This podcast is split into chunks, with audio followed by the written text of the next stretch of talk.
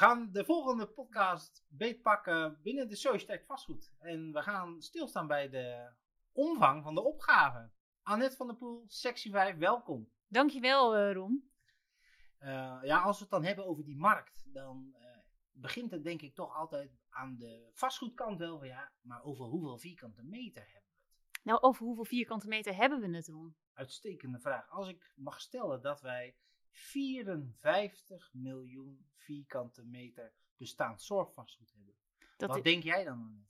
Ja, ik zit te bedenken hoeveel nullen dat dat zijn. En uh, ik kan me eigenlijk uh, bijna niet, uh, niet voorstellen. Hoeveel voetbalvelden zijn dat wel niet? Nou, een heleboel in elk geval. Exact. Maar ik denk ook wel dat als er mensen uit andere asset classes deze podcast beluisteren, dat wij misschien wel de ogen doen openen over hoe groot deze markt is. Ja, ja. En dan hebben we het nu alleen maar over de stenen. Maar het is misschien toch aardig om eens even stil te staan bij over hoeveel mensen wij het hebben qua gebruikers.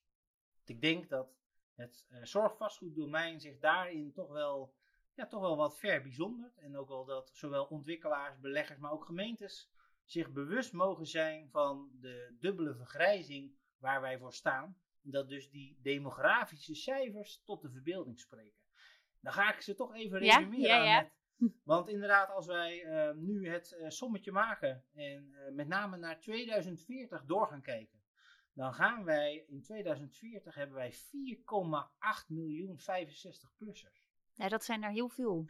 Waarbij die 65-plusser, en dat hebben we in de eerdere podcast al wel eens benoemd, misschien niet eens de doelgroep is. Hè, 65 plus, ben je eigenlijk gewoon nog heel actief. En dan, ben je nog aan het werk, hè? Exact. In, de, in, de eerste jaar, ja.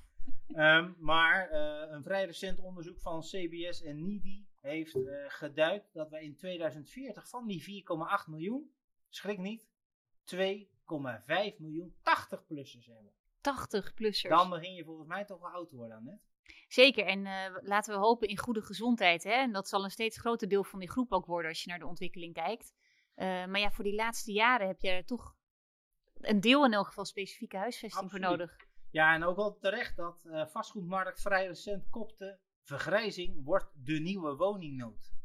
Of hebben we hier eigenlijk gewoon met de meest geweldige woningopgave te maken van Nederland?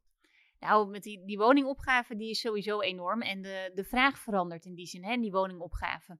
Um, mede door die vergrijzing zie je dat het aantal, um, uh, nou ja, de, de huishoudens groter, kleiner wordt. En uh, daarmee dus ook nog eens meer woningen nodig zijn. Maar ook de vraag is anders. We hadden er eerder ook al wel bij stilgestaan.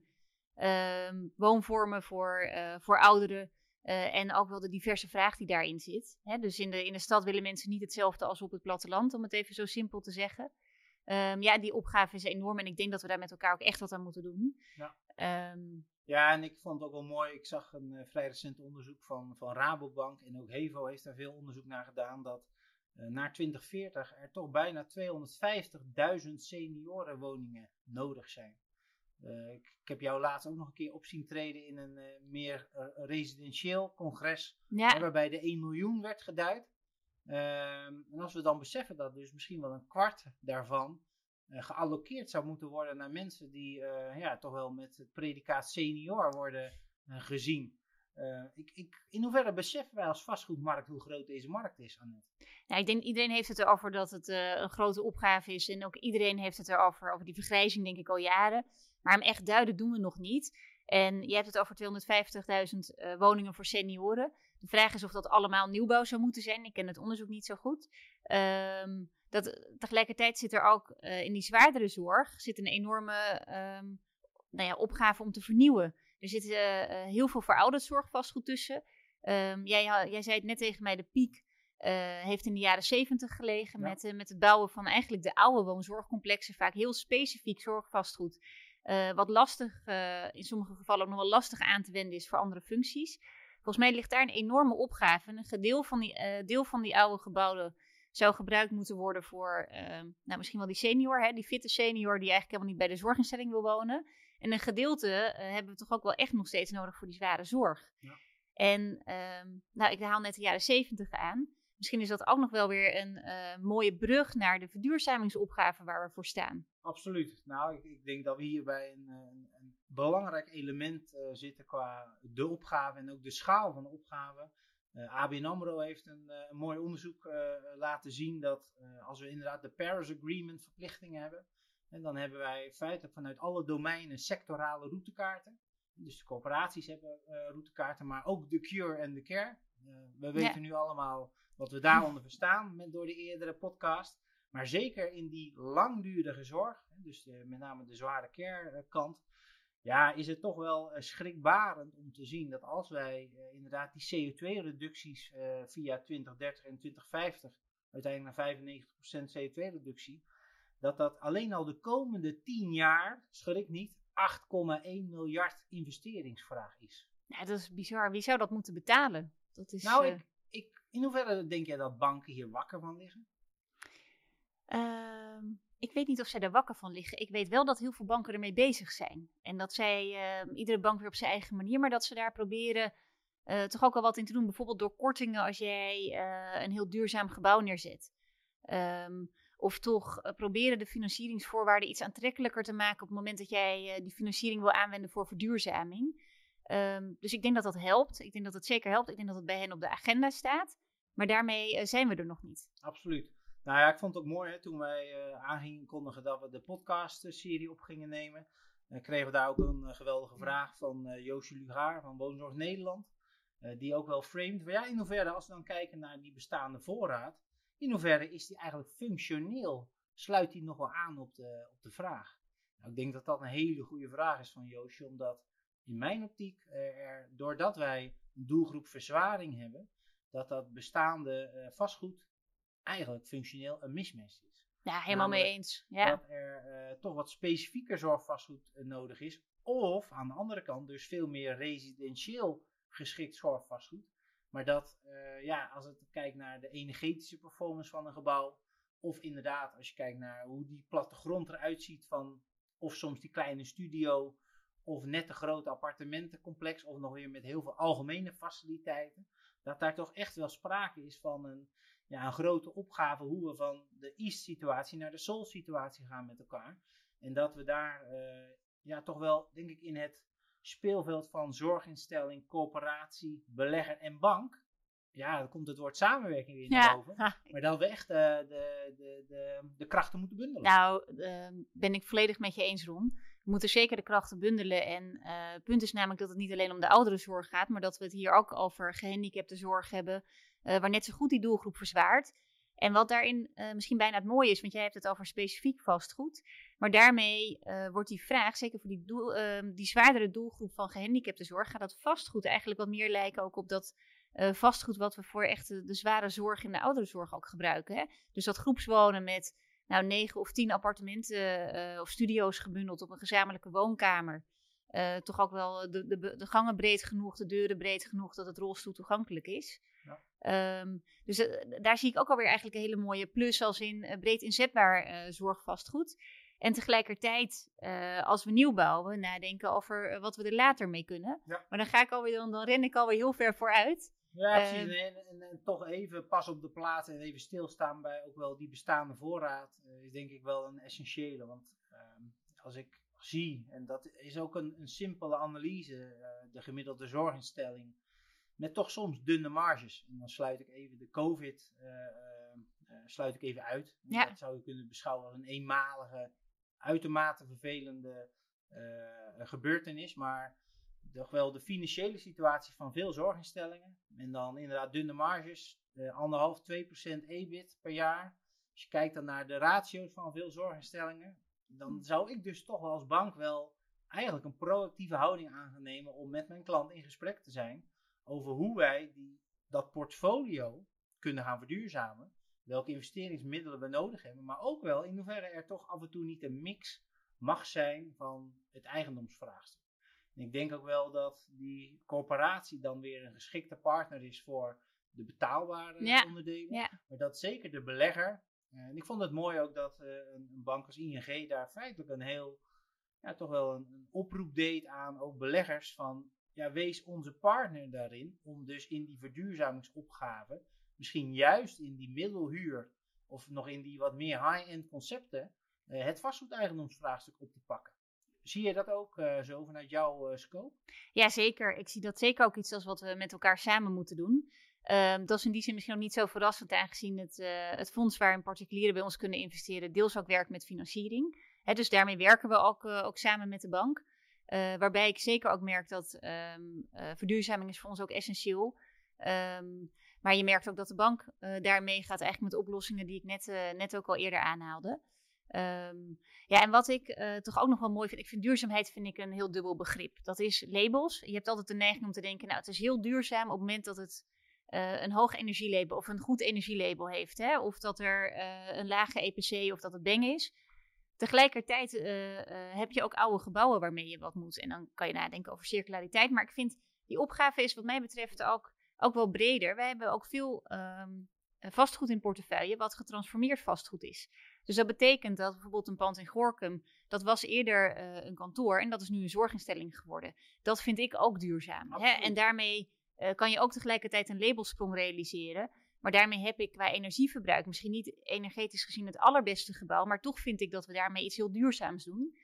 Uh, en dan kom ik weer terug op die vraag van Joosje. Um, hoe specifiek eigenlijk die zorggebouwen zijn. En um, ja, je kan, dat, je kan dat bij sommige zorggebouwen wel doen, oude zorggebouwen, maar heel vaak zijn ze helaas toch niet meer geschikt om te transformeren. Ja. Of eigenlijk weer uh, te laten voldoen aan de huidige wensen en eisen. Ja, maar dan denk ik dat inderdaad de doelgroep, uh, de technische en de financiële analyse eigenlijk bij elkaar moet komen.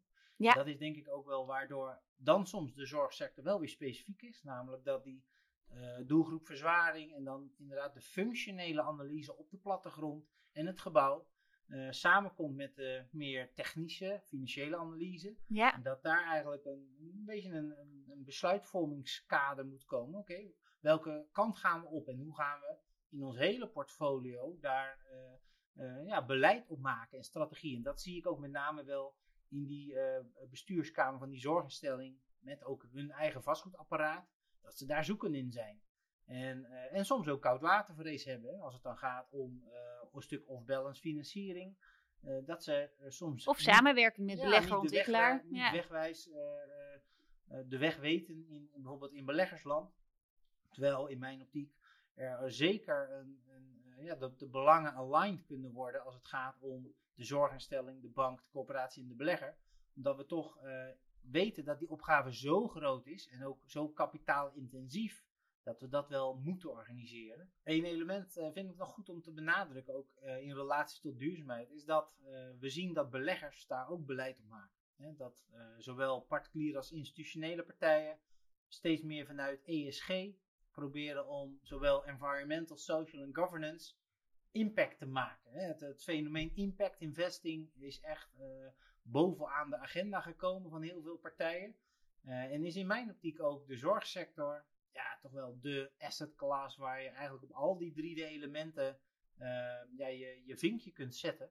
En met name ook wel, dus naast inderdaad energetisch of de, op, op de E goed scoren, maar naast social, dat je dus op, op het social element echt wel kan, uh, kan duiden wat voor bijdrage je maakt met jouw belegging. Nou, en ik denk dat daar ook wel de behoefte zit vanuit de beleggerswereld om daar stappen in te maken.